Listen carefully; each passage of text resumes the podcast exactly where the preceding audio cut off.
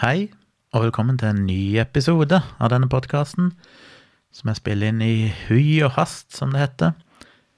Jeg har ominnreda kontoret mitt atter en gang. I dag har vi fått litt møbler fra Ikea, jeg har fått litt nytt datautstyr, begynt å rigge opp eh, livestream-studioet mitt.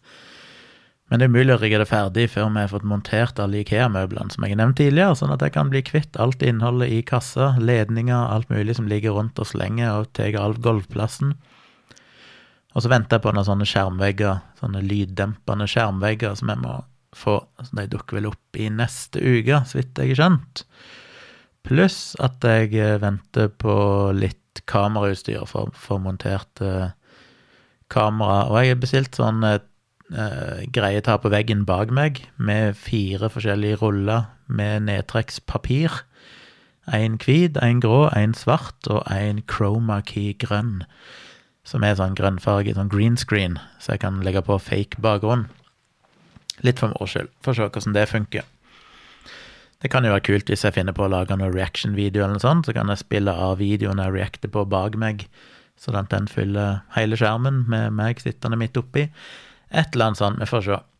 Men jeg har brukt mye tid på å sitte og researche og prøve å finne de billigste løsningene, for det er fuck. Det er Det er altså så dyrt med ting du bruker til å montere ting, for å være så diffus. Bare sånne klemmer og armer som du fester på stativ for å feste lys og kamera og sånn. Koster skitmye. Så jeg hadde liksom laga et oppsett laga ei handleliste, men det ble fryktelig dyrt. Og så fant jeg en alternativ måte å gjøre det på som ble det mye billigere. Så får jeg iallfall begynne der, så får vi se om det duger. Eh, det satser jeg på at det gjør. Men det får jeg eh, vel i neste uke, så jeg er fortsatt ei god uke unna å få ting ferdig, ser jeg. Fordi jeg oppdager stadig vekk ting som må på plass. Men nå er det rett før, altså. Nå I neste uke så bør jeg kunne få til en, eh, en livestream med nytt oppsett Iallfall i slutten av uka, om ikke annet. Og nå på dette podkastkontoret mitt, holdt jeg på å si, så har jeg rigga opp det gamle miksebordet mitt, som ikke jeg har brukt siden eh, ja, i sommer, for det ble pakka ned når vi skulle selge leiligheten, når vi skulle ha visninger og sånn. Kunne ikke hatt miksebord stående inne på kontoret når vi skulle ta bilder til boligannonser og sånn. Så det har jeg opp igjen her på kontoret. Og, eh, men jeg har ikke fått opp lyddempinga, jeg har ikke fått opp alle hyller og alt som skal gjøre at lyden her inne blir litt mer død. Så det er kanskje fortsatt litt sånn Jeg har jo hørt det på oppdagene av de forrige podkastene jeg har spilt inn her. Du hører at det er en sånn hul klang i lyden, og det irriterer meg. Ikke sikkert dere bryr dere i det hele tatt, men eh, det irriterer meg. Så, eh, så ja. Jeg sitter nå her, og det blir iallfall en podkast. I morgen så eh, kjører jo vi til Oslo, og når jeg sier i morgen, så mener jeg tirsdag, for jeg spiller dette her inn mandag kveld, 8. november. Da hopper vi i bilen på morgenen, kjører til Oslo vi kjører opp til Haugenstua, der leiligheten vår er, og parkerer bilen. For vi har fortsatt en sånn gjesteparkeringslapp som jeg har god samvittighet for å bruke, fordi vi fortsatt teknisk sett eier leiligheten der i blokka, i borettslaget. Og så vurderer jeg å utnytte den eh, gjesteparkeringslappen så lenge jeg kan, fordi det er jo et dilemma, og jeg tar gjerne imot tips fra alle som hører på her, som bor i Oslo, eller området rundt, eh, eller har erfaring med å kjøre til Oslo. Og det er jo det at hvis jeg kjører til Oslo, så trenger jeg å ha bilen stående et sted. Jeg har ikke lyst til å kjøre inn i sentrum, både fordi jeg ikke liker å kjøre inn i sentrum, men òg fordi at skal jeg parkere der inne, så er det jo skitdyrt. Så det ideelle er jo å parkere på eh, vestsida en plass, altså Asker, Lysaker, et eller annet sted rundt der, og så kunne ta bare tog eller T-bane eller et eller annet sånt inn til sentrum, sånn at bilen kan stå et sted billig. Så hvis dere vet en plass der det går an å parkere bilen, enten gratis eller til en låg pris, der den kan stå Ja, det er sjelden jeg blir der så lenge, men kanskje et par-tre dager i verste fall. Ofte bare én dag. Så tar jeg gjerne imot tips om det, spesielt hvis det i tillegg skulle være noen elbillader i nærheten. Men det er ikke så viktig, for at eh, jeg kan ikke la bilen stå kobla og, og okkupere en sånn lader i lang tid, og jeg gidder ikke reise tilbake igjen bare for å koble den ifra laderen, så det blir vel ikke så aktuelt. Men, men jeg trenger tips til en parkeringsplass. Men inntil videre så har jeg jo den gjesteparkeringslappen, så det er jo fristende å bare kjøre til Haugenstua og parkere der, og sette, legge gjesteparkering i frontruta, for det står ikke noe dato på den. Den er jo ikke datert, så jeg tror ikke de merker det, og det er ikke for få parkeringsplasser der. Det er aldri opplevd at det har vært fullt, så jeg får ikke sånn veldig dårlig samvittighet for å stå der. Så vi får se. Men vi kjører iallfall opp der nå i morgen, og så parkerer, tar lokaltoget ned igjen til sentrum, eh, sjekker inn på hotellet, og så må jeg egentlig ned på denne her eh, frokostkjelleren, som det heter, som jeg òg må finne, som vel ligger et eller annet sted med det gamle universitetet i Karl Johan. For der skal jeg jo delta i denne debatten om eh, dette her med sånn overgrepsregister. Og i dag fikk jeg jo vite hvem som skulle være med. Eh, det er jo da Jeg visste jo at han Aron Jansen, som er vel han som satt inne i fengsel i noen måneder for å ha drevet med sånn nabovarsling og sånn, som jeg har blogga om og snakka om tidligere. Uh, jeg er ikke helt sikker på hva assosiasjonen hans til mannegruppe åtter er. er det, han er vel i den grad mannegruppe åtter er noen ting. Det er jo ei Facebook-gruppe eller side. Men uh, det er vel en slags løs organisasjon, jeg vet ikke helt. Men han, er i hvert fall, uh, han skal iallfall delta i debatten, for han er jo ja, drevet med dette nabovarsling og, og argumentert hardt for at vi må få et register over overgrepspersoner. Og poenget er jo da at det er folk som har blitt tatt for å ha begått overgrep mot mindreårige, har blitt dømt, har sona sin straff, kommet ut igjen. Og så mener jo da enkelte at det bør finnes et offentlig register over disse personene, sånn at du kan se hvor de bor hen. Sånn at hvis de flytter inn i nabolaget ditt, så kan du gå inn på internett og søke opp din adresse og se om det bor noen tidligere dømte, ferdig sona overgripere i ditt nabolag. Og det har jo jeg eh, ikke sansen for, som jeg har blogga om, fordi all erfaring fra andre land viser at det er veldig dyrt. Det virker ikke. Det frarøver politiet ressurser til å kanskje drive med det de burde drive med. Og i tillegg så påfører det jo enorm byrde for eh, familie, venner av de som da er dømt og er sluppet fri igjen, eh, ferdig sona. I andre land så er det jo godt dokumentert med veldig mye trakassering, vold, alt mulig av familie, ektefelle, alt mulig sånn, fordi folk vet at der bor der en pedofil, som jo er jo idiotisk, for det er ofte så er det jo, som regel så er det jo ikke pedofile, det er helt andre grunner til at de forgriper seg på barn. Men selvfølgelig skjønner jeg at folk er forbanna og, og kan hate de, men vi lever jo, skal jo leve i en rettsstat. Og folk, dette er jo folk som tross alt har blitt dømt. De har sona sin straff, som da samfunnet mente at de fortjente. Og hvis en mener at de straffene er for milde, ja, så får en heller kjempe for strengere straffer. Men ikke for at de som allerede har sona i henhold til det lovverket vi har, skal da straffes videre av samfunnet etter at de er kommet ut av fengsel. Så jeg mener jo at det er høyst problematisk. Det er jo folk som har tatt livet sitt. Det er, det er liksom bare et eller annet med det prinsippet om at når du er sona, så er du, er du basically som alle oss andre. Da er du en, en fri person, og du skal på en måte ha bli sett på som en, en, person som har gjort opp for deg, på et vis. I tillegg så er det jo en av de kanskje viktigste ankepunktene mot nettopp dette her med overgrepsregister og nabovarsling, er jo at det er så mange, eller er andre ofre, ikke minst de opprinnelige ofrene. La ikke si at en person har forgrepet seg på et barn. Dette blir oppdaga en del år seinere, kanskje. Ofte tar det jo litt tid.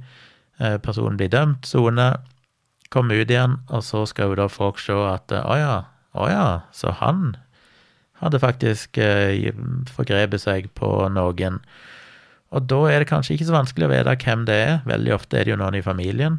De aller fleste tilfellene av den type overgrep skjer jo av noen i din egen familie. Og da er det jo fort gjort at ungene blir stigmatisert, hvis denne personen har unger. Eller noen vet at det var folk som var på besøk der, eller Poenget er at dette er da barn som kanskje fortsatt er barn eller har blitt voksne, som for det første har gått gjennom det potensielle traumet det er å bli utsatt for den type overgrep, og så i tillegg skal de da ikke kunne legge det bak seg og ikke kunne på en måte leve videre uten at da plutselig alle skal vite at å ja, det er hun som ble utsatt for overgrep. Jeg tror alle kan kjenne på det, at hvis vi hadde vært det offeret, så ikke den Det kan godt være de ønsker det. Det er noen som ønsker å stå fram med dette og, og syns det er viktig, men det må de jo velge sjøl, i så fall. Det er ikke sånn at vi som samfunn skal velge å eksponere tidligere ofre gjennom at vi eksponerer overgriperen. Eh, og i tillegg, da, hvis denne personen har en, en kone, samboer, et eller annet sånt, så er det jo ikke noe særlig gøy for den personen. Det kan jo være at de elsker den personen fortsatt og ønsker å være sammen med den personen, og så skal de da måtte lide under det at eh, nabolaget og folk rundt vet hva mannen, eller potensielt sett kona, da, selv om det i de aller fleste tilfellene er menn som gjør dette. Så det, det er bare et eller annet fundamentalt galt uh, med det. Men det er jo det vi skal diskutere. Og de som skal være med, er som sagt Aron Jansen. Det er ei, en kriminolog som heter Heidi Mork Lomell, som jeg ikke kjenner til fra før, men jeg googla og fant at hun i fjor, tror jeg, hadde kommet med en eh, artikkel Jeg vet ikke helt med meg hva det var, om det var en slags uh, La meg se. Den har jeg vel liggende der. Går det an å få åpna den? Open.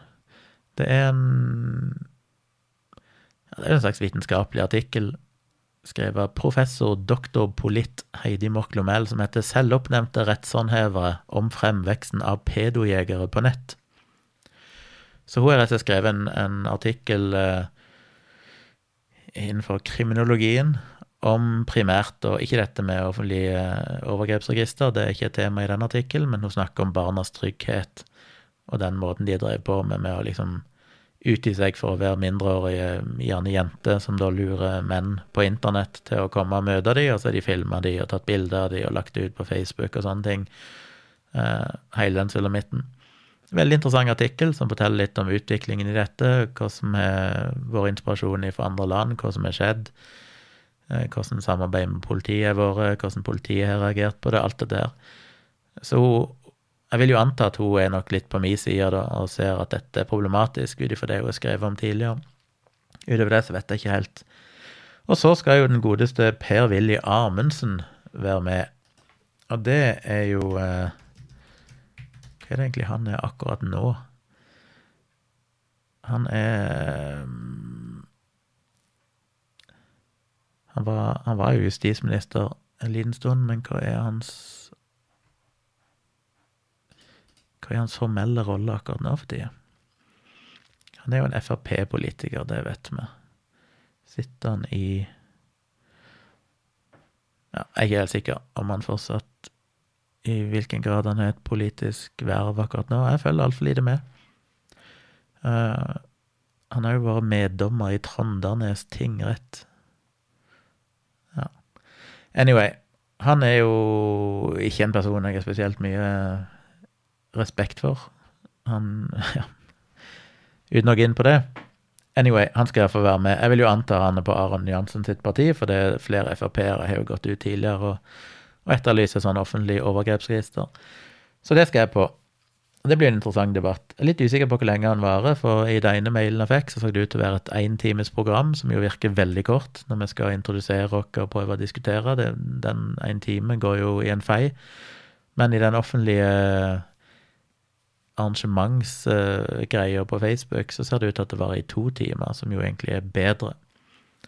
Men hvis dere skulle være i Oslo og har lyst til å delta på dette, det begynner altså klokka fem tirsdag 8. november, hvis du rekker å høre denne podkasten innen det, så skal jeg legge ved en link i shownotes. Du finner det jo inne på Saksynt eh, på Facebook, eller på eh, Twitter-profilen min, Civix, C-I-V-I-X, eller på Facebook-sida mi, Gunnar Kjomli. Jeg har posta linken alle plassene, eller den eventen. Og der er det en eh, Det er gratis å delta, men det er begrensa med plasser, og du må inn og registrere deg via en sånn påmeldingslink som ligger inne på den eventen. Så hvis du hører dette før klokka fem tirsdag, så er du velkommen til å delta hvis du kan. Det blir ikke filma, det blir ikke streama, så hvis ikke han er der, så får han ikke sett det, men jeg skal selvfølgelig gi en, eh, et referat i neste episode som vil komme på fredag. Oi, begynner jeg å bli forkjøla nå? Det håper jeg virkelig ikke. Så ja, det skal jeg gjøre i morgen. Jeg har òg tatt uh, nye bilder av Arakataka, som jeg kanskje har nevnt. Restaurant Arakataka. De er jeg ferdig med å redigere. Syns det ble noen kule bilder der òg. Jeg har lagt ut uh, et par av de allerede på Instagram-kontoen min, som heter Tjomlifoto i ett ord. Følg gjerne den. Tjomlifoto på Instagram. Uh, jeg har jo lagt noen ut på Facebook-sida til Tjomlifoto. Følg gjerne den òg. Så finn Tjomli foto på Facebook og på Instagram, og følg meg der, så kan dere se de bildene. Jeg syns de ble litt kule. Jeg skal legge ut flere. Og eh, vi reiser altså til Oslo i morgen, det vil si tirsdag. Det blir paneldebatt. Så blir det vel bare chill resten av kvelden. På onsdag tidlig på morgenen så må vi opp til leiligheten, holde oss opp for de som skal vaske der. Og så vet ikke jeg hvor lang tid de bruker, om de bruker fire, fem, seks timer. Så da må vi bare henge rundt i byen. Og så fort de er ferdige, så må vi bare sjekke at alt ser greit ut. Eh, låse, og så kjører vi hjem igjen til Vennesla. Så da er vi vel hjemme ganske seint, regner jeg med, på onsdagen. Torsdagen så er jeg her. Da skal, jeg, eh, da skal vi skru Ikea-møbler, prøve å gjøre ferdig litt mer her i, i kåken. Og på fredag skal jeg jo da holde dette foredraget på nett. Og så hopper jeg på en buss tilbake igjen til Oslo på fredag kveld. Og det har jeg nevnt tidligere. Så skjer det ting i helger, men det er ikke så interessant. Så det blir jo ei, ei travel uke. Eh, jeg har noen artikler jeg tenkte jeg skulle snakke bitte grann om. Noen er basert på tips jeg har fått fra eh, dere lyttere, andre har jeg bare lagra sjøl. Jeg har som sagt fått masse tips, de ligger fortsatt i innboksen min. Jeg skal komme tilbake til de etter hvert, men foreløpig har jeg tatt noen som er, litt enkle og greie å snakke om, siden jeg ikke har noe særlig tid til å forberede meg ennå. Den første jeg eh, så, det var en artikkel jeg kom over sjøl, ganske fersk artikkel fra 2. november, som på Engadget, som jeg følger RSS-feeden til Engadget.com. Der eh, skriver de om en ny At McDonald kommer med en ny vegansk burger. Og de har hatt eh, ja, hvordan var det? De har testa det ut litt i Canada, og så kommer de i uh, Skal vi se, Vi får riktig Ja, jeg tror det. De kommer i USA, og så kommer de nå i Storbritannia og Irland. Og det er litt variasjoner på dem. Den som er, kommet i USA, er ikke vegansk. Det vil si, kjøttet, holdt jeg på å si, i gåsehudet. Det fake kjøttet er vegansk. Men de har vel både majones og ekte ost, så det er jo både melk og egg og sånn i det. Så den er jo ikke egentlig vegansk. I tillegg så eh, Ja, hvordan var det? Ja, og den britiske som kommer, den skal visstnok være helt vegansk. Den heter McPlant. Eh, det heter den for så vidt i USA òg, men den britiske versjonen den kommer med sånn vegansk eh, fake majones, holdt på å og en vegansk ost og er visstnok godkjent av The Vegetarian Societies, Society i sikkert Storbritannia. Så den skal være helt vegansk. Men det er jo et problem, som er, noe som har blitt et problem, og det er jo det at selv om selve burgeren er vegansk, så blir han stekt på samme grill eller stekepanne eller hva det er, som kjøtt blant annet blir. Og for så vidt egg og sånne ting òg, som de lager tilberedet der. Og det endte jo opp eh, for et par år siden med en sånn class action lawsuit. Det var en dude som eh, mente at eh, Burger King, for de hadde sin Impossible Whopper, som er vegansk, de Han mente at den ikke egentlig var vegansk, for den skal visstnok være vegansk helt, liksom. Tilbehøret, osten og alt skal være vegansk. Men fordi han er stekt på samme grillen eller stekeplater som vanlig kjøtt, så vil han ha rester av liksom kjøtt på seg, eller det kan være noen celler på han. Eh, noe kjøttjuice på den veganske burgeren. Og da mente han jo at det var feil, for de reklamerte med eh, Burger King reklamerte med 100% Whopper, 0% beef. Og det mente han var da villedende, for det er ikke 0% beef. Det kan jo være noen rester av ja, det er vel neppe kjøttrester, men iallfall eh, fragmenter eller eh, safter av kjøtt på den veganske burgeren. Og gikk så til rettssak. Den ble vel avvist, den rettssaken, til slutt, men han fikk mye medieoppmerksomhet. Og jeg må bare si at grunnen til at jeg ville snakke om det, var bare at det irriterte meg. Fordi jo da, teknisk sett så har han et poeng, og jeg kunne akseptert at du kanskje gjorde et nummer ut av det og påpekte at uh, som veganer så vil jeg helst at uh, Whopperen min ikke er grilla på en overflate der som har vært i kontakt med animalske produkter. Jeg skjønner det, og en kan jo argumentere med at kanskje slagordet 100% Whopper, 0% beef er misleading, for det kan jo være at det er 0,01% eh, biffrester på denne burgeren. Så sånn teknisk sett, jo da, jeg ser, jeg ser poenget, og jeg syns òg det er viktig at hvis eh, du skal respektere veganere, så bør en kunne tilberede dette separat. Og det skal de gjøre med den engelske McPlanten.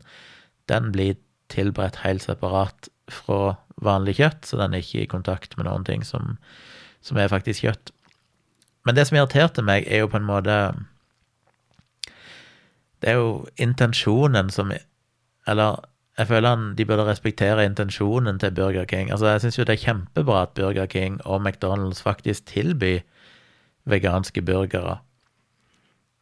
Og det at du da skal saksøke de og på en måte straffe de for det fordi du mener at ja, men det er ikke vegansk nok, fordi det teknisk sett kan være noen, noen mikrogram av et eller annet på de, så er det bare For meg blir det bare ødeleggende. Det er sånn Skal vi ikke heller hylle disse bedriftene, og heller få de til å, produsere de, og få de til å produsere de så billig som mulig? For foreløpig så er jo gjerne disse veganske alternativene våre litt dyrere. Og det handler jo nå om volum. Så det er et eller annet med at kanskje den dagen når det har blitt såpass normalisert at de selger like mye veganske burgere som kjøttburgere, så kan jeg kanskje begynne å flisespikke på at men kanskje dere òg burde tilberede de separat. Men det, jeg vet ikke. Eh, jeg skjønner jo, ja, ok, teknisk sett så er det kanskje riktig å reagere, men jeg blir allikevel irritert, for at da Da handler det jo ikke lenger om at du egentlig bryr deg om dyrene, det handler ikke lenger om at ja, men det er kjempebra, denne burgeren er vegansk. Ingen dyr har dødd i produksjonen av denne burgeren. Men fordi han har vært i kontakt med andre produkter som er laga av dyr, så, jeg, eh, så nekter jeg å ha den. For det var jo en ting han sa, at hvis han hadde visst at denne burgeren ble stekt på samme overflate som vanlig kjøtt, så ville han aldri ha bestilt den. Men det er litt sånn, ja, men men da, da setter du jo bare deg sjøl fremst. Da handler det ikke lenger om dyrevelferd. Da handler det jo bare om at jeg syns det er ekkelt med kjøtt, og jeg vil ikke spise noe som var i kontakt med kjøtt. Han hadde jo aldri visst det hvis ingen hadde sagt det til han, så hadde han ikke merka noe forskjell på whopperen, den veganske whopperen. Og for meg så er det bare et eller annet idiotisk med det, for da fjerner du hele poenget. Poenget her må jo være at de faktisk ikke dreper dyr i produksjonen av denne whopperen. Og det, vi, og det, er jo det som er målet. Om den så blir stekt på samme overflate som vanlig kjøtt, så flytter du fokuset over til å handle om deg sjøl, plutselig, og dine preferanser. Og ja, jeg skjønner at for noen så kan det være sterke følelser knytta til dette, at de syns det er ekkelt at jeg har vært i kontakt med kjøtt. Men ja, jeg er litt usikker på hvor mye jeg klarer å det er litt sånn, Hvis ikke du vet det, hvis ikke du kan smake det, hvis ikke det, så, så er det sånn Da er det fryktelig mye ikke du vet om maten din. Jeg tror det, vi skal være glad for alt vi ikke vet om maten vi spiser, og hva den er vært i kontakt med. og Det blir litt som dette med syltetøy, at jeg mener, spiser du syltetøy, så er det insektrester, der er insektegg. Altså, det er jo ei grense for hvor mye insekter du har lov å ha i syltetøy. Spiser du salat, så får du i deg insekter og insektegg og larver. Det er helt uunngåelig, disse tingene. Eh, men du oppgir jo ikke det på syltetøyboksen, at denne, dette jordbærsyltetøyet inneholder tre gram med insektrester. Nei, det, det, vil vi helst ikke vite. Det er et faktum, det gjør det. Og det er grenser for hvor mye du er lova oppi. For du kan, du kan, ikke produsere syltetøy uten at du får med deg en del insekter. Og som veganer så skal du da egentlig ikke spise det syltetøyet. Men skal du gå til søksmål mot eh, hva de heter, eh, de som produserer syltetøy i Norge, står helt stille for meg. Men anyway, skal du gå til søksmål mot dem for å si at ja, dere sier at dette syltetøyet er De sier jo ikke det, da. Det er jo ikke noe de reklamerer med, for ingen regner med at syltetøy inneholder animalske produkter, men det gjør det jo faktisk. Og det oppgir de bare ikke, for det er liksom underforstått at sånn er det. Og det føler jeg jo det burde være med en vegansk burger òg. En burde kunne akseptere at det er underforstått at han faktisk kan ha vært i kontakt med kjøtt men det er ingen dyr som er blitt skada i produksjonen av denne voppaen, og fordi du velger å kjøpe denne voppaen fremfor en voppa laga av, av uh, kjøtt, så har du faktisk oppnådd det som er målet her, og det er å ikke skade dyr, ikke bidra til dårlig dyrevelferd og alt dette her. Så ja. Det var iallfall en liten irritasjon fra min side. Um, det var sak nummer én. Det neste jeg skulle snakke om, tenkte jeg litt, og jeg kan ikke gå i dybden her, for det tar altfor lang tid, det er stort og komplekst, men det er jo dette med økologisk mat. Eh, jeg følger jo bloggen eh, Neurologica, som er bloggen til Steven Novella, som noen av dere kjenner fra Skeptics Guide to the Universe, og han er jo en av bidragsyterne til bloggen sciencebasedmedicine.org, som er en av de beste og viktigste bloggene som, eller nettstedene, egentlig, som finnes der ute, etter mitt syn. Men han har på en måte sin personlige blogg i tillegg, som heter da Neurologica, som ligger på domenet theness, t-h-e-n-e-s-s.com slash neurologica-blogg. Aldri helt satt meg inn i hva The Ness egentlig er. Det er vel The New England Skeptical Society eller noe sånt. Eh, men jeg skal lenke til denne bloggposten, så kan dere lese det sjøl, og eventuelt følge den bloggen, for han skriver jo elsker jo Steven Novella, han skriver mye bra. Men han har jo alltid vært kritisk til økologisk matproduksjon, med rette. Og her trekker han da fram i en ny bloggpost uh, The Sri Lanka Organic Experiment. Og greia her er jo at presidenten på Sri Lanka, som heter Gotabaya Rayapaksa, han gikk ut og forbøy all bruk av uh, ja, kjemikalier i landbruket i Sri Lanka og basically tvang alt landbruk til å skje økologisk. Det skulle ikke være noe bruk av sprøytemidler i det hele tatt. Ingen plantevernsmidler, ingen insektdrepende midler, ingenting. Alt eh, med mindre det var økologisk eller i gåsehud naturlig. Og det høres jo sikkert vel og bra ut, bortsett fra at det funker jo veldig, veldig dårlig. Og det har de dessverre erfart i Sri Lanka. Det har de opplevd at det vært en ja, I snitt var det vel 19-25% nedgang i produktiviteten. Eh, noen av tingene de prøvde å, å, gro, hadde jo minst en halvering. Noen planter feila totalt, de fikk ingenting ut av det når de skulle gjøre det økologisk. Og noe av kjernen i problemet her er dette med at du må ha en form for gjødsel. Du må få nitrogen ned i jorda.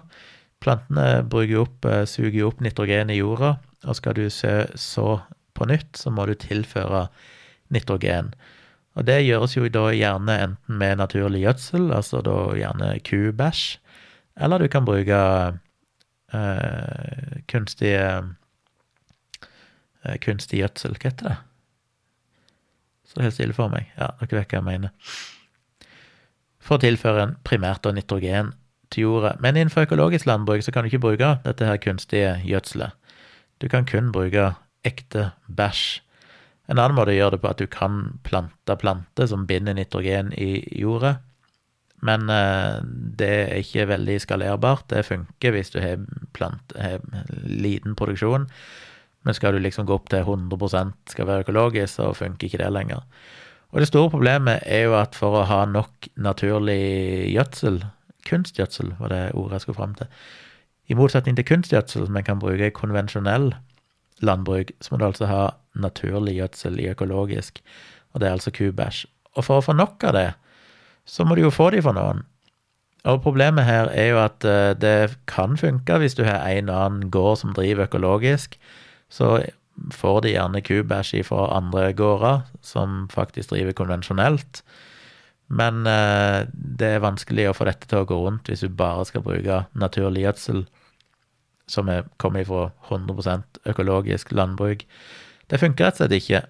Og det har de jo sett, at hva de sto her, at eh, i Sri Lanka så produserte de to til tre tonn med kompost hvert år, for du kan jo bruke kompost som blir brutt ned, altså organisk eller ja, og, matavfall og sånne ting planteavfall og sånn, som må råtne og, og bli til gjødsel.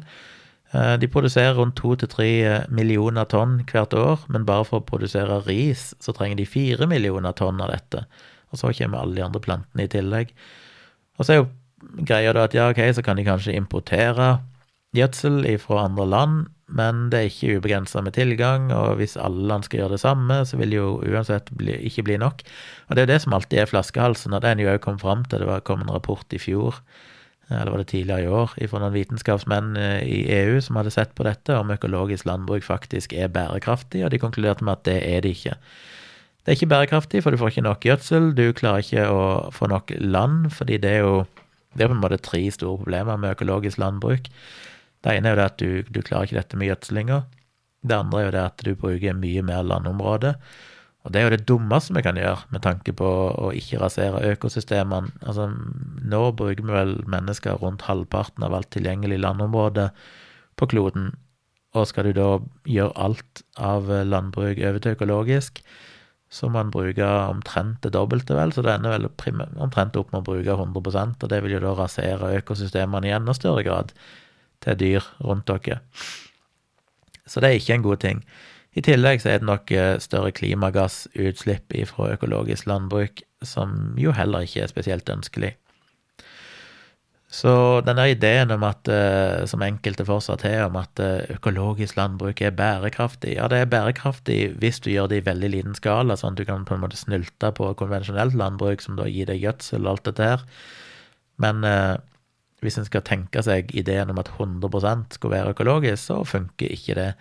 Og dessverre så er en jo da måttet oppleve det på den harde måten i Sri Lanka nå, der de faktisk har prøvd dette. Og det er jo ikke mye i dag som er økologisk. Jeg ser han skriver her at uh, rundt 1,5% av all matproduksjon i verden uh, kommer fra økologisk uh, landbruk. I USA så er det bare 0,6% I EU så er det så mye som 8,5 Men totalt sett globalt så er det altså i snitt 1,5% Så det kan kanskje funke opp til den skalaen omtrent, men begynner det å gå veldig mye lenger, så, så møter en veggen. Og i realiteten, det en trenger, er jo GMO. Vi skal fø noen flere milliarder mennesker i løpet av de neste ti årene. Vi skal helst bruke mindre landområder, vi skal helst ha mindre klimagassutslipp. Det klarer vi ikke uten å ta i bruk moderne teknologi. Det å, å velge økologisk er totalt bakvendt. Det å gå tilbake igjen. Det å, å gå tilbake til en sånn idyllisk idé om at ja, ja, ja, Eh, økologisk er bra, vi må bare bli færre mennesker. Og det er jo ofte svaret til folk som promoterer økologisk landbruk. Det er sånn at ja, vi er for mange mennesker, det er det som er det egentlige problemet. Men det er sånn, ja, ok, men vi kan på en måte ikke utrydde fem-seks milliarder mennesker bare for at uh, kloden skal ha det bedre det, det, funker dårlig. Så vi må forholde oss til realitetene. Og det at vi er sju pluss milliarder mennesker nå. Vi kommer til å bli en to-tre milliarder flere, iallfall, før det flater ut. Uh, og de skal fødes på en eller annen måte, og det skal vi gjøre samtidig som vi reduserer klimagassutslipp, og helst uten å bruke mer land, aller helst bruke mindre landområder. Og da må en rett og slett ha mer effektivt landbruk. Du må bruke planter som ikke krever så mye sprøytemidler. Det kan en gjøre da gjennom GMO. Eh, gjennom å modifisere plantene sånn at de da enten tåler milde sprøytemidler, eh, som er bedre, mens ugress som da ikke er modifisert, genmodifisert, dauer av det samme ugressmiddelet. Og en må gjerne gjøre sånn at de kan eh, Ja, du får mer mat på mindre areal. Kanskje de òg tåler andre typer klima enn det de opprinnelig uh, har evolvert til å gjøre, sånn at du kan produsere mer mat i områder der det kanskje altså plantene ikke egentlig vokser så godt, eller du kan finne nye områder som ikke kan brukes til andre ting, der du kan dyrke. Altså, en må bruke moderne teknologi, og det er helt håpløst for meg at GMO i Norge At Norge er så bakstreversk, eh, eller EU generelt sett, når det gjelder GMO. Et annet argument som jeg har trukket fram flere ganger, som jeg oppdaga spesielt da jeg drev og researcha dette med lakseoppdrett i Folkeopplysningen i fjor, eller forfjor, eh, det var dette med at vi importerer mye soya fra Brasil for å bruke som fôr i eh, lakseoppdrett, oppdrettslaks. Og den soyaen kom fra Brasil, og så det var mye kontroverser rundt det, med at ja, men det fører til at vi raserer regnskogen i Amazonas. Men hvorfor importerer vi fra Brasil? Jo, fordi vi krever at den soyaen er GMO-fri. Og det er det egentlig bare Brasil som produserer. Og Norge er jo en av de få landene som importerer mye GMO-fri soya. For det er veldig liten andel av soyaen i verden som egentlig er GMO-fri, men noe av den lille GMO-frie soyaen som finnes, den går til Norge. Til fôr til dyr og laks. Eh, men hvis vi hadde droppa den idiotiske begrensningen at vi ikke kan importere GMO-baserte ting, så kunne vi importert soya fra USA og Canada og mange andre land, der du hadde sluppet at du raserte regnskogen. Og det er rart for meg at det ikke får fokus. For et par år siden, da det var så mye fokus på at å, Amazonas brenner, så var det ingen som påpekte at ja, men for helsiken, det er jo vi sjøl, gjennom denne her frykten for GMO, så tvinger vi oss sjøl til å måtte importere soya ifra akkurat ifra regnskogen i Brasil. Eh, hvis vi hadde bare slutta med det tullet der, så kunne vi importert soya fra andre plasser som ikke påvirker Amazonas. Men det poenget kommer liksom aldri fram, for gjerne de samme folkene som er veldig opptatt av, av nettopp dette her med, med hvor fælt lakseoppdrett er, eller hvor fælt det er med alt av moderne landbruk og sånn, er jo gjerne de samme folkene som er imot GMO. Og så glemmer de at det er jo nettopp fordi de er imot GMO, og fordi de ønsker at vi skal ha dette GMO-forbudet, at vi må importere soya ifra regnskogen i Brasil. Så er så, det er så idiotisk. Så ja, det er deprimerende. Men uh, les uh, gjerne den artikkelen, den er ikke veldig lang, det er en bloggpost. For å få litt mer bakgrunn, han lenker jo til noen tidligere bloggposter han har skrevet om uh, nettopp dette med økologisk landbruk og sånn, og han har mye god informasjon der. Så ta en kikk på det. Det neste jeg vil snakke om, er litt gjennom vaksiner. For jeg vil bare si et par ord om dette med naturlig immunitet versus vaksinebasert immunitet. For det har vært en slags idé som mange driver og sprer, om at det er mye bedre eh, Altså hvis du får naturlig immunitet, så det er mye bedre enn immuniteten ifra vaksiner. Og av de som har promotert den ideen, er jo da selvfølgelig folk som da er motstandere av vaksiner, men òg folk eh, som har drevet med og promoterte denne Great Barrington Declaration som dukket opp tidlig i pandemien, som var en sånn idé om at du skulle la viruset spre seg brenne gjennom befolkningen naturlig. La folk bli syke, smitta, fordi da fikk vi naturlig immunitet, og til slutt var alle immune nok til at liksom viruset mer eller mindre ikke ville være et problem lenger. Det har jo vært en veldig dårlig idé, har en jo sett, fra annet Sverige, og jeg mener bare tenk Sverige, som har hatt hva er det, over 15 000 dødsfall, og de har jo tross alt ikke fulgt Great Barrington Declaration, de har jo hatt tiltak eh, i større grad enn det den la opp til. Uh, en kan kanskje argumentere med at Storbritannia til en viss grad lot seg svelge lot seg lure litt av det, og kjørte nok et litt for løst løp og har hatt enorme dødstall, som de har fått mye kritikk for i ettertid. Men det er en dårlig strategi for av to grunner. Det ene er at for at folk skal bli immune, så må de jo først bli syke, så det betyr jo basically at man har hatt enormt mye høyere dødstall. Ideen er liksom at ja, vi, vi må ofre noen for at vi skal komme oss videre og få immunitet. Men det har jo ikke funka med andre sykdommer. Eh, vi vaksinerer jo fortsatt mot meslinger, mot alt annet. Vi, vi har ikke den ideen om at la heller bare alle få meslinger. Så døde det noen hundre unger i året i Norge, og vi får noen tusen på sykehus hvert år, og vi får en del hjerneskader og lammelser og sånne ting. Det må vi tåle, for da blir folk immune. Nei, vi vaksinerer de heller. Eh, det er ikke helt, helt god sammenligning med meslinger, for det at meslingvaksinen den får du når du er barn, og den er 99 og vel så det er prosenteffektiv og varer livet ut.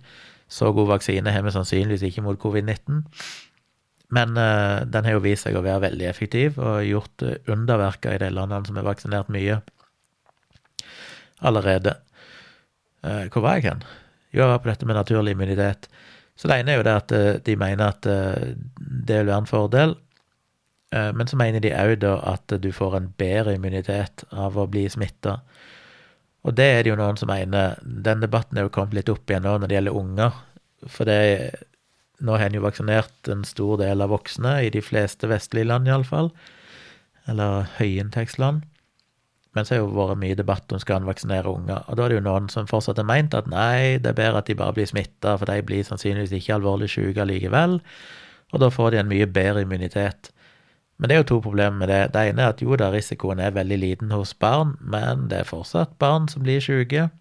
Eh, det er fortsatt eh, antydninger til at de kan slite med long covid, selv om ikke de blir alvorlig syke, og alt dette her. Så det Ja, risikoen er liten, men hvis vi kan eliminere den risikoen, eller iallfall redusere den enda mer, så må vel det være en god ting. Spesielt når vaksinene er så trygge som de er. Eh, og de er jo nå godkjent for små barn òg i USA. fordi risikoen fra vaksinene, selv om det er en liten risiko, selvfølgelig, som det alltid er med alle legemidler, er vesentlig mindre enn risikoen fra covid. Så den debatten har blomstra litt igjen. Men så kommer det jo nå mer og mer data som tyder på at uh, immuniteten ifra sykdom ikke er så veldig god. Det vil si, han kan være veldig god. Jeg skrev litt om dette i en av mine siste bloggposter, men der kom mer data siden den gangen òg. Han kan være veldig god, men ofte så er det knytta til at du da òg har vært ganske alvorlig syk. Så hvis du har hatt et mildt tilfelle av covid-19, så kan ofte immuniteten være lavere. Men det er ikke nødvendig at det henger sammen sånn heller. Generelt sett så er det bare veldig uforutsigbart. Og det er jo det som er problemet, at du, hvis du er heldig, i den grad du kan kalles heldig hvis du har hatt covid-19, men hvis du da først har fått covid-19, så kan du være heldig og få god immunitet. Men du kan òg være en av de som får veldig dårlig immunitet.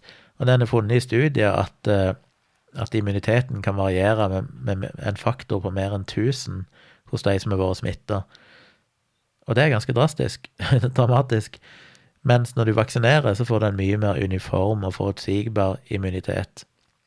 Så det blir litt sånn hvis du bare lar folk bli syke for å få naturlig immunitet, så har du ingen garanti for at de egentlig har fått. Noen vil ha fått en god, robust immunitet, veldig mange vil ikke det.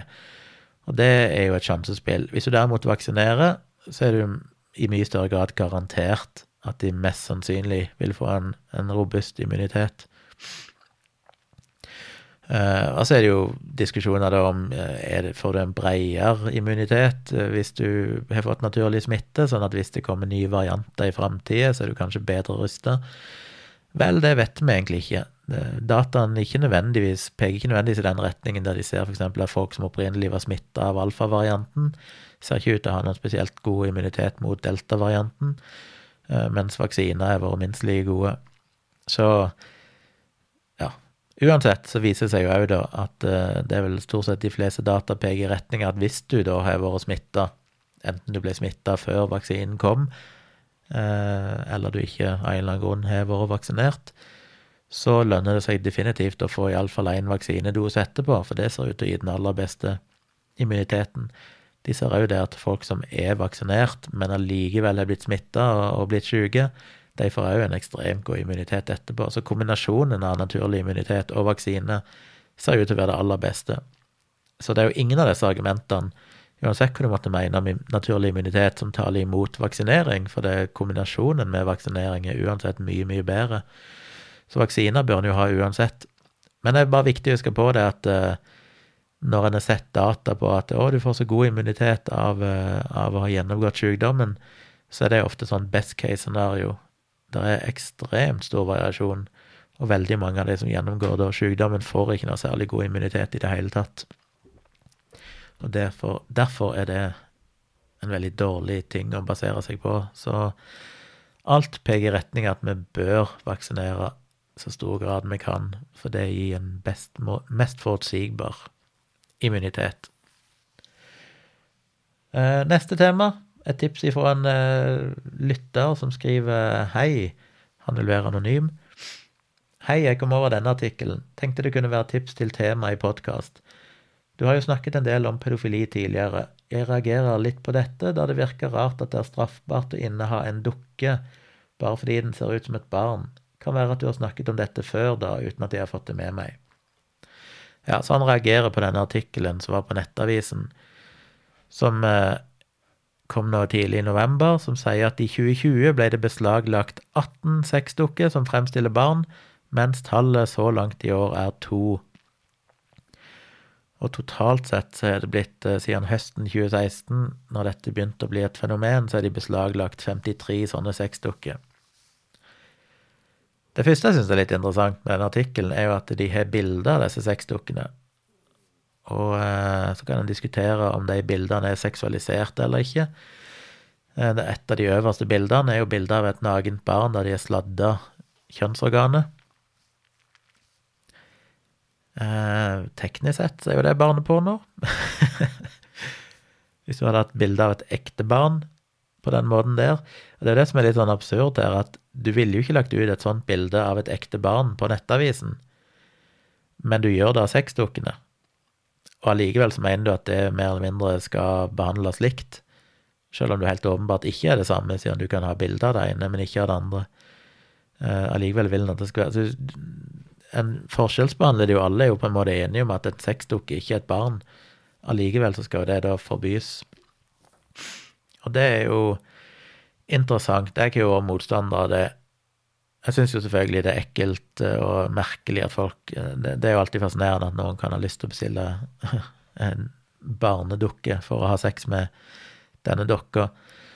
Men igjen, vi, vi kan ikke la lovverket være styrt av hva vi føler er liksom ekkelt eller ikke.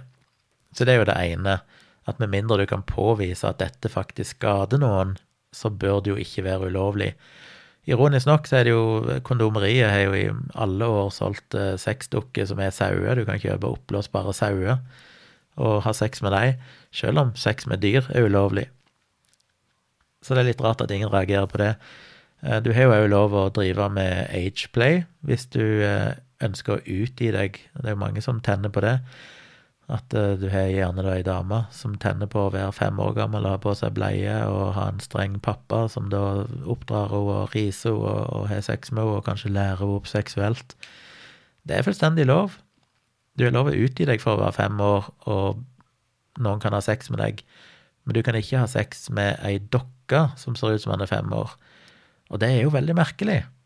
Hvorfor er det lov å, å, å leve ut seksuelle fantasier med mennesker?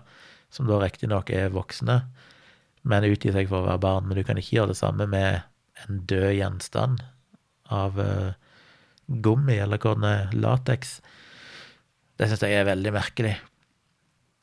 Og det er jo et eller annet med at i Norge så er jo denne loven om uh, ja, Som vel fortsatt blir omtalt som barnepornoparagrafen, Eh, selv om det er selvfølgelig en stor debatt, dette med barneporno, som jeg snakka om tidligere, hva en skal kalle det, hvilket ord en skal bruke.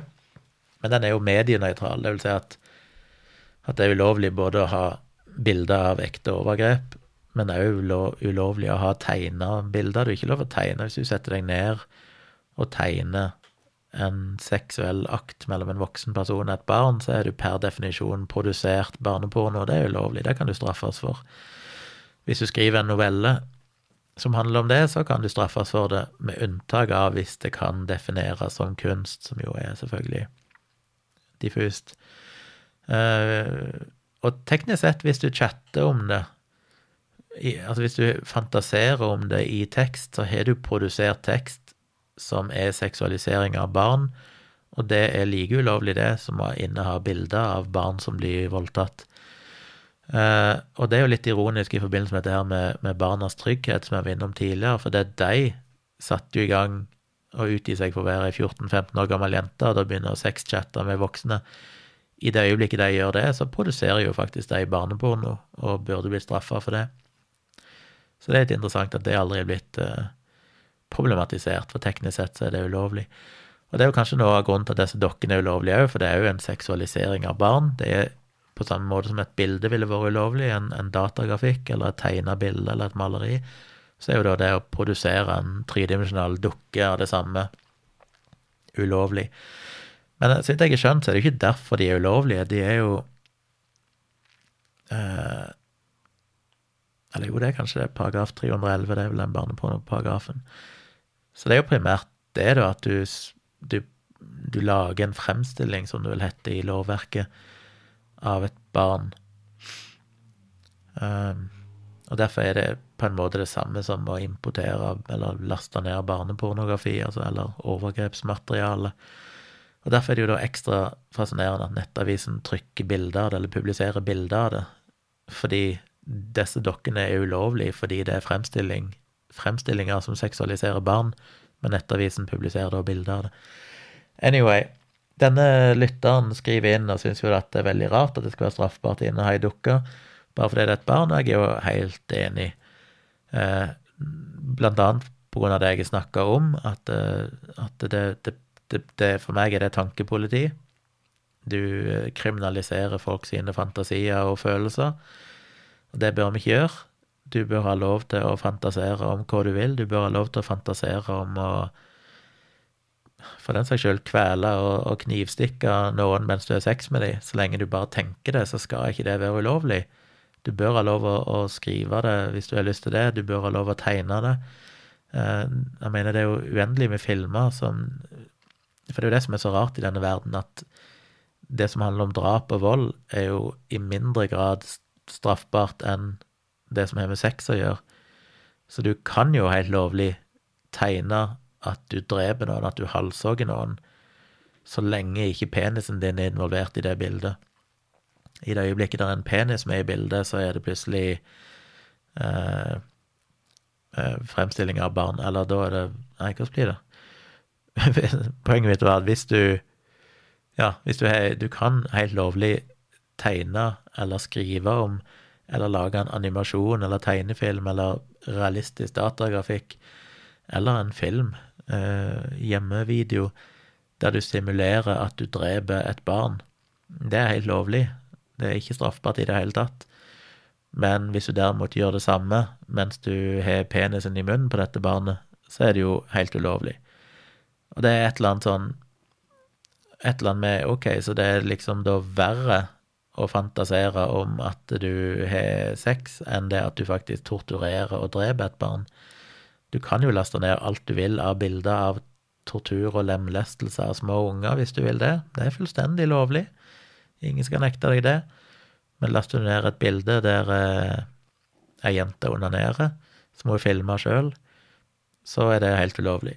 Og jeg er helt enig, for all del, eh, det bør være ulovlig å inneha den type materiale, fordi det er sannsynligvis en stor belastning for denne personen at dette materialet er kommet ut og alt dette her, så jeg skjønner det, men prinsippet om at det da er fremstilling som seksualiserer barn, er forbudt, mens det å drepe et barn og visualisere det er ikke forbudt. Det er, et eller annet absurd med det som jeg aldri helt uh, skjønner hvorfor vi vektlegger det på den måten. Men hvor er jeg hen? Nå snakker jeg meg vekk ifra det. Uh, men jo, så det ene er jo bare sånn rent moralsk, det å, å ha fantasier, og det å og sånn, det bør vi ikke vi bør straffe alt som handler om å faktisk begå overgrep mot barn. Um, enten det skjer virtuelt, eller det skjer altså enten det er at du chatter med et barn og tvinger de til å blotte seg på webcam, alt dette her, det som kalles for voldtekt over internett, som i dag er definert som voldtekt. Det bør definitivt være ulovlig. Det er noe av det verste jeg kan tenke meg. Tenke på min egen datter, hvis noen lurte henne til det, og da drev og utpressa henne. Uh, for en forferdelig følelse det må være og være redd for at eh, bildene skal komme på avveie, alt det der. Så det er for all del være ulovlig, men fantasier der du ikke involverer et levende menneske i, i dine fantasier, eh, er det merkelig for meg at det skal være ulovlig. Og Argumentet for at det skal være ulovlig, er vel bare det at ideen er at eh, ja, men hvis du først tenker på det og fantaserer om det, og det er lov å ut, leve ut fantasiene si, gjennom tekst og bilder, så kan det øke insentivet for at du begår reelle overgrep. Problemet er at det finnes jo ingen forskning som tyder på det. Tvert imot så peker jo det meste av forskning i motsatt retning, at det virker preventivt. Pål Grøndal var vel ute, han psykologen som snakka mye om pedofili, han var vel ute òg for ikke så altfor lenge siden, og mer eller mindre mente at du burde gi sexdukker på resept til folk med, med sånne pedofile tilbøyeligheter, nettopp fordi det kan forhindre det, at de faktisk forgriper seg på ekte barn, for da kan de leve ut fantasiene sine på et uh, dødt objekt. Det fikk han jo mye pepper for, som jeg jo syns er dødsfascinerende.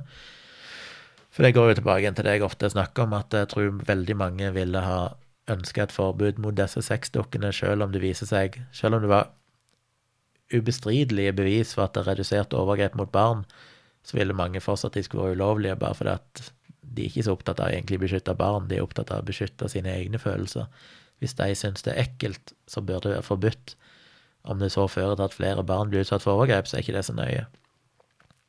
Og det er jo der jeg føler med litt nå.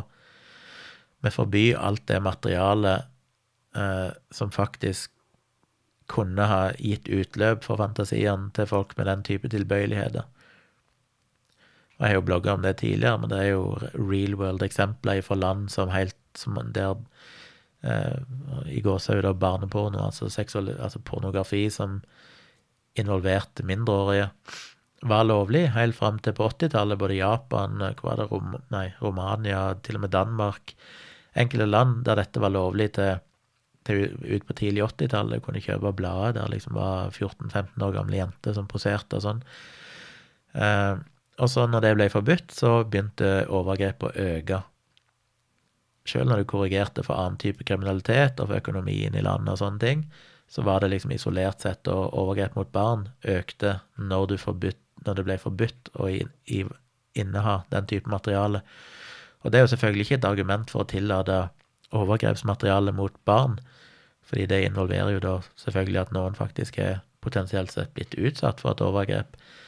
Eh, men det burde jo være et argument imot å forby virtuelt materiale, altså datagrafikk eller tegner eller novelle eller sexdukke. Men eh, det virker bare ikke som folk er Enda mindre politiet er så veldig opptatt av eh, vitenskap og forskning her. Det er liksom bare dette føles etter feil, så, så, så bør vi forby det. Så jeg er helt enig med han som sender meg mail, at dette er idiotisk. Det burde i aller høyeste grad være, være lov med disse sexdukkene, fordi i beste fall da, så kan det faktisk forhindre overgrep, uansett hvor ekkelt eh, og forkastelig vi måtte synes det er at noen kan ha lyst til å penetrere ei sånn dukke. Eh, så får vi jo heller forby det hvis det da skulle komme nye data som viser at det faktisk skulle øke overgrep eller noe sånt.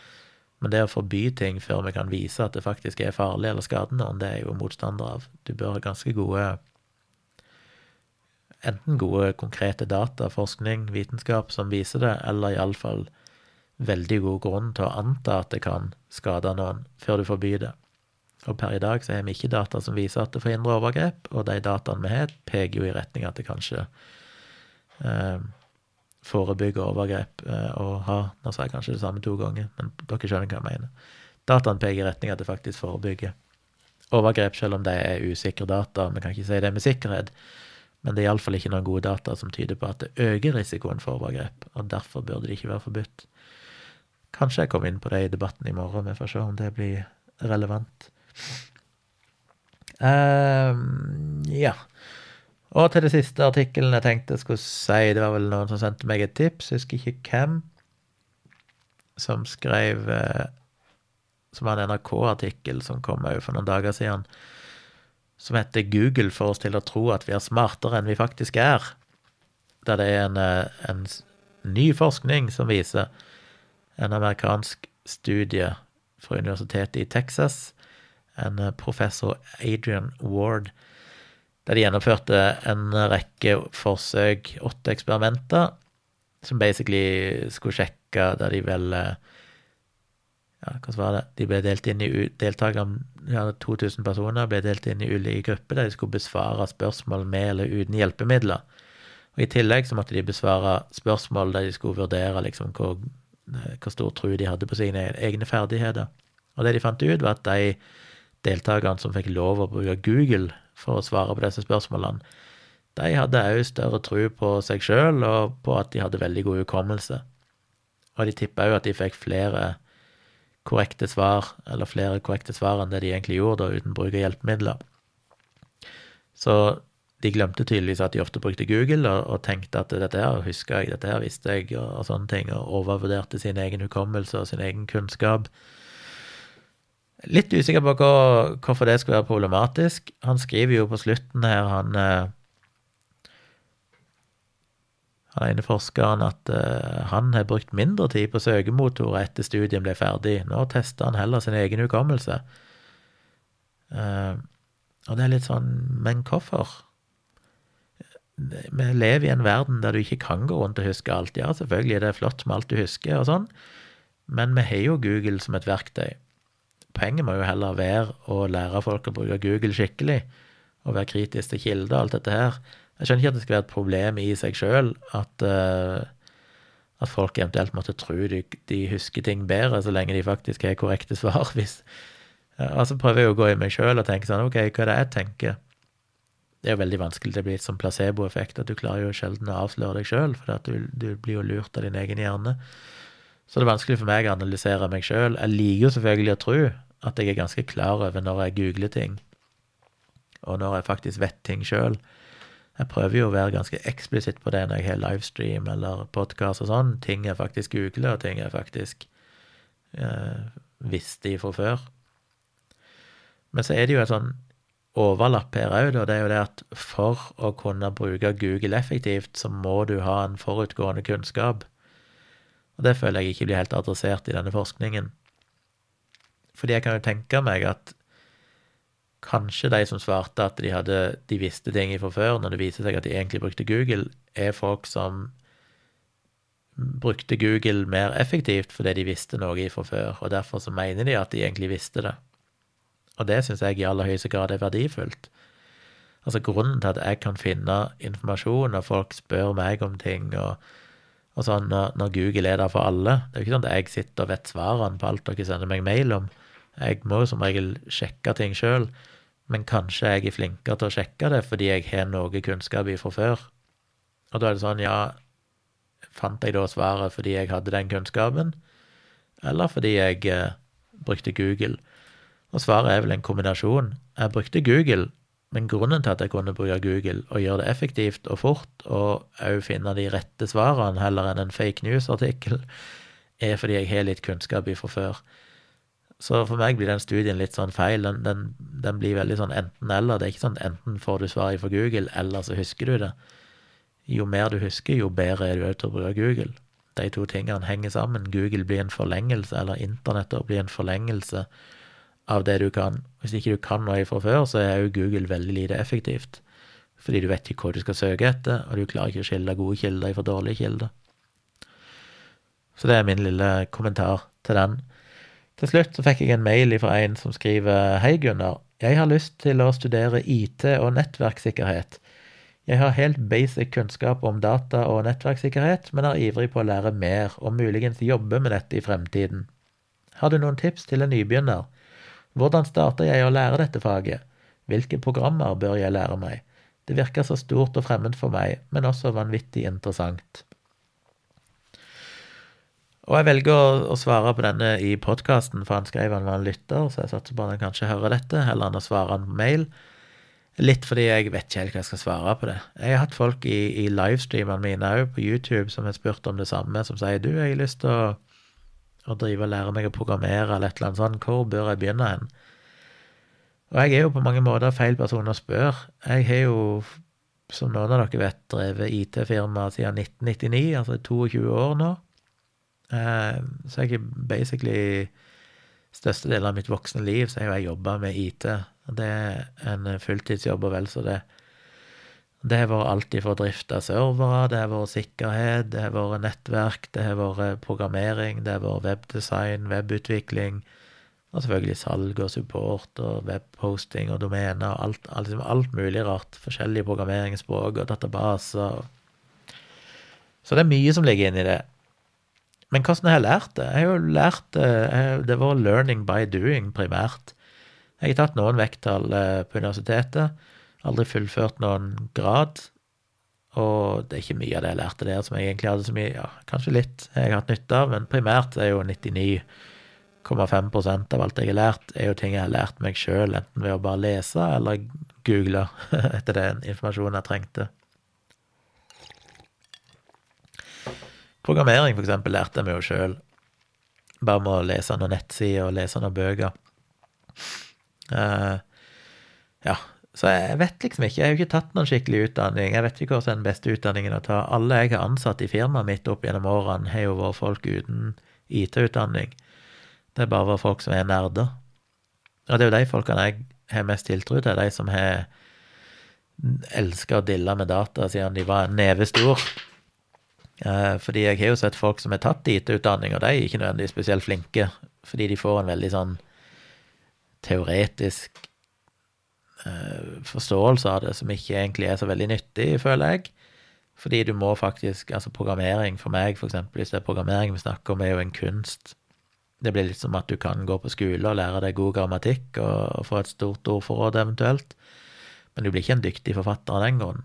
Der ligger der erfaring og talent. Um, så det er litt sånn med programmering òg. Ja, du kan gå på skole og lære deg å programmere, men for å bli en god programmerer så føler jeg som regel det krever noe mer enn det. Og, hvis, og det kan du like godt lære deg sjøl, sånn du må ha gått på skole. Eh, det er selvfølgelig nyttig å lære seg IT og sikkerhet og sånn ved å ta en utdannelse, men uh, men det han spør om, har du noen tips til en nybegynner? Hvordan starter jeg å lære dette faget? Hvilke programmer bør jeg lære meg? Det er så vidt, dette faget òg. Det er altså så forskjellig mye. Det er så mange retninger du kan fokusere på at jeg har ikke noe godt svar på det.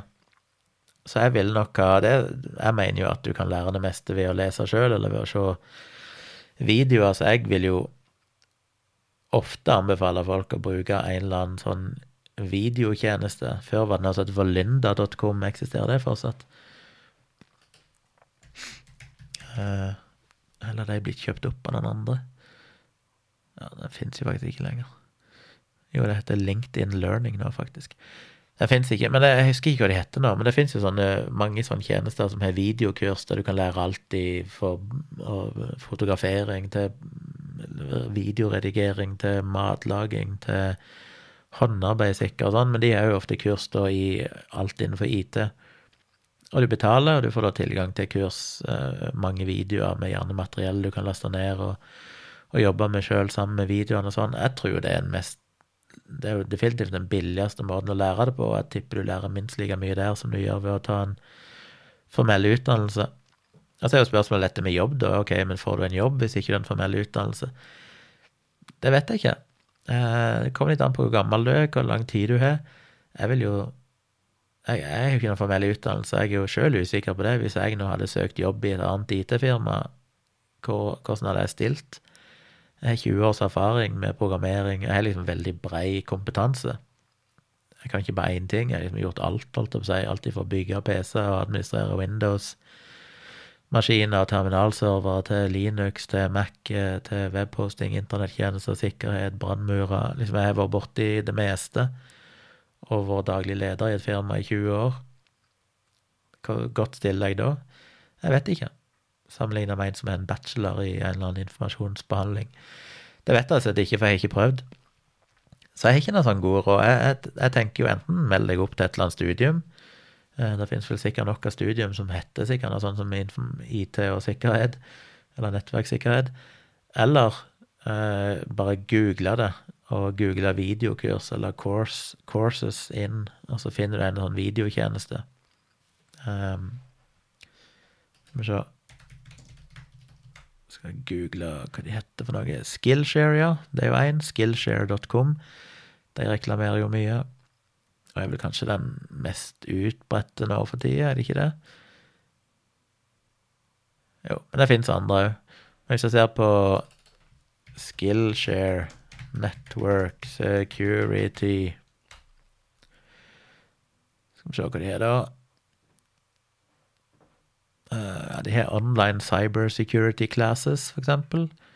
De har online network security classes på Skillshare. Online IT Security Classes. Uh, get started for free.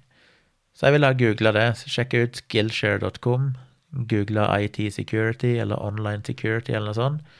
Finne et eller annet kurs der. Prøve å begynne der, iallfall. For om ikke annet så finner du litt mer ut hva du kanskje vil på den måten. Det er en ganske billig penge.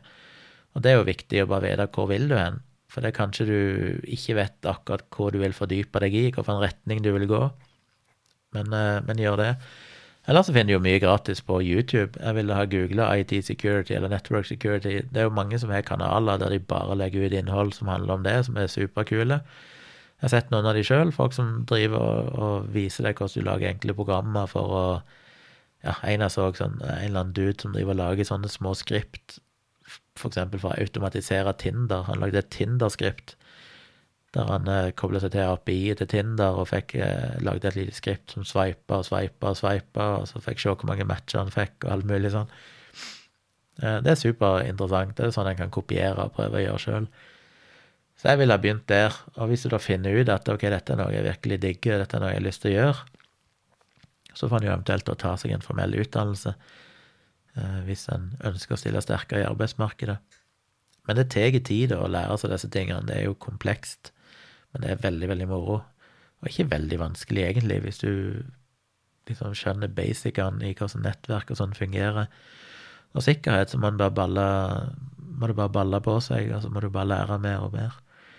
Så det var et veldig dårlig svar. Jeg har ikke noe godt svar. Jeg vet ikke egentlig hva han spør om, hva han egentlig ønsker som svar, men uh, siden han skriver at det virker så stort og fremmed for meg, men også vanvittig interessant, så tenker jeg begynne å, å, kanskje på YouTube gratis, og så sjekke ut Skillshare på sånn online security. Betal for et sånt kurs. Det kan du bruke, se på akkurat når du vil, når det passer deg, i det tempoet du vil. Og så får du litt mer da, kunnskap om hva dette egentlig dreier seg om. Og Da får du nok òg tips til hvilke programmer du kanskje bør ha, hvor, hvor, du finner mer informasjon, og hvordan du bør gå videre. Så det er mitt tips til han. Helt til slutt så må jeg jo bare si at uh, vi begynte og hadde min datter her i helge, og jeg tenkte at det blir koselig. Vi kan sette dere ned og spise taco og se Dune-filmen som vil fortsatt gå på kino. Han er jo relativt ny, men han fins allerede på HBO Max helt gratis, hvis du har den uh, streamingtjenesten. Og det er jo en litt sånn sci-fi-film, så jeg tenkte den har jeg lyst til å se. Og det er mange som har spurt meg på livestreamen har du sett Dune ennå, og sånn. Uh, så jeg hadde lyst til å se Dune. Men gud bedre for en jævla drittfilm. Jeg uh, er jo en person som nesten aldri avslutter en film før jeg har sett den ferdig uansett hvor dårlig han er, bare fordi jeg tenker at det kan jo være han plutselig har en twist, eller det skjer et eller annet som gjør at han blir verdt å se. Men dattera mi hun gikk etter tre kvarter. Hun sa at jeg ned på rommet', så. Som jeg alltid syns er litt vondt, for da føler jeg at jeg er skuffa, og at fuck, nå fant jeg ikke en film som hun likte, og det syns jeg er kjipt. Men, men, jeg skal ikke tvinge henne til å se filmen. Og så tenkte jeg ja, ja, vi får i hvert fall se videre, meg og Tone. Men et kvarter, ti minutter seinere eller sånn, så tenkte så sa jeg til Tone at du, skal vi virkelig gidde å se dette her? For det var altså så meningsløst og forutsigbart og klisjé, og bare alt og bare dritt. Så eh, det er min mening om Dune. Eh, anbefaler ingen å se den filmen. Eh, men så, basert på det jeg snakka om litt skrekkfilmer vi har sett i det siste, så ble jeg tipsa av uh, min gode venninne Cecilie som skrev til meg og sa at du, dere bør sjekke ut filmen Vivarium. Som visstnok ifølge henne for at jeg ikke sjekka sjøl, men jeg har fått en lunken karakter på IMDb. Eh, litt bedre for anmeldere på Rotten Tomatoes, men veldig dårlig rating av publikum på Rotten Tomatoes. Hun mente at det var en film du enten digga eller hata, men hun digga den, tror jeg. Så hun lurte på hva vi syns. Så vi så den samme dagen, faktisk. Jeg har ikke sagt det til henne. Så hei, Cecilie, hvis du hører dette. Nå har vi sett uh, Vivarium. Og den uh, Den likte jeg vel. Jeg vil ikke si jeg elska den, kanskje, men jeg digga den jo bare fordi det var en veldig sær film. Den var jo ja, Hva skal jeg sammenligne det med? Den var jo som en sånn blanding av uh, må jeg huske hvilken film er nå igjen det Hva er den filmen av uh, Lars von Trier Ja, det er Dogville. Ja, Dogville. Fikk litt sånn Dogville-følelse. Dogville er jo en veldig Ikke det Lars von Trier, jeg tror det. Det er, sånn, det er vel en slags Ja. Eh, for der er det jo bare sånn scene der husene bare omrisser, husene tegner opp. Så de spiller ut en film der du ser folk gå inn i et hus, og så går de bare inn i en sånn firkant som er tegna på bakken, så du ser alt som skjer inn i alle husene. Jeg husker ikke helt hvordan filmen var, jeg, men jeg, jeg tror jeg husker jeg digga den, for den var så sær. Fikk litt den følelsen, bare fordi den var så, så sær. Og muligens er jo litt uh, Må sjekke hva den heter, bare for å sjekke. Det er vel Pleasantville, er det ikke det? Som er jo litt sånn stilisert, sånn nesten sånn 50-talls. Alt er veldig monotont, og alle husene ser like ut, og litt sånn 1950s sitcom-aktige greie. Ja, jeg skal ikke spoile noe av filmen, men det var bare noe med følelsen av han som var litt sånn uh, Og jeg eh, og, og, det var ikke en skrekkfilm, men litt creepy. Ubehagelig, på en måte, fordi at han er bare sånn Hva er det som skjer her, egentlig? Dette er jo helt weird. Eh, jeg vil anbefale den. Jeg likte den. Jeg ser heller Vivarium enn Dune, for å si det sånn. Eh, det var en veldig spesiell film. Og jeg liker jo sånne filmer som du skjønner, Når du har sett den ferdig, så skjønner du egentlig ikke hva som er greia. Du vet jo ikke egentlig hvorfor disse tingene skjedde som skjedde, men det knyttes allikevel sammen på slutten, sånn at det har en naturlig en slags naturlig slutt som gir en slags mening, uten at det egentlig gir mening allikevel, men bare, bare frustrerende og litt sånn eh, Minner jo litt om et mareritt. Sånn feber-fantasi-mareritt-greie. det, er det er ingenting i han egentlig som er ekkelt eller skremmende, det er liksom bare ubehagelig, alt som skjer. Det, uten at jeg vil si hva som skjer. Så sjekk ut Vivarium, den syns jeg var kul. Absolutt annerledes, som hun kaller den. Da har jeg snakka lenge nok. Det ble jo en, en, skikkelig episode, dette, faktisk, eh, på tross av uh, marginale forberedelser. Men eh, som sagt, kanskje av dere dukker opp eh, tirsdag klokka fem på, i Frokostkjelleren i Oslo. Hvis dere vil se denne debatten. Jeg må nå sette meg ned etter jeg har publisert denne podkasten, og kjapt forberede meg litt. Jeg vet ikke hvordan jeg skal forberede meg helt, men jeg skal lese gjennom den bloggposten jeg skrev, og bare notere noen stikkord der. Og så må jeg ha en sånn, jeg skal ha en sånn to minutters introduksjon der jeg skal presentere mitt standpunkt, så da må jeg bare notere ned liksom hva skal jeg si på to minutter som eh, oppsummerer der jeg står. For jeg får ikke tid til å gjøre det i morgen, for da kjører jeg hele dagen. Så jeg må skynde meg, jeg må avslutte, jeg må forberede debatten med Ja, det blir ikke, jeg må bare si det, da, det blir ikke noen livestream på fredag, fordi da er jeg i Oslo. Uh, altså, det blir ikke noe sånn ærlig talt.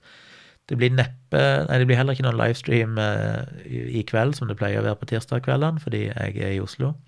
Så denne uka blir det ingen livestreams, sannsynligvis. Men eh, neste uke så er vi forhåpentligvis tilbake i litt sånn skikkelig opplegg. Vi ser. Uansett, takk for at du hørte på. Fortsett å sende meg mail på tompratpodkast.gmail.com. Stikk innom kritisketenkere.no, og eh, støtt meg der hvis dere vil. Iallfall bli medlem, det er gratis, men du kan òg betale hvis du vil støtte meg.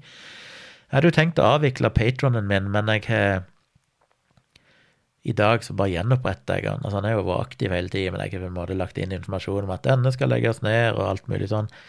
Eh, det er jo fortsatt eh, en del titalls patron som ikke har flyttet over til kritiske tenkere, og det hender faktisk at det dukker opp en og annen ny patron, så jeg tenkte sånn, ja, ok, da, så kan vel den patronen bare være der, da. Jeg har ikke noe taper på det.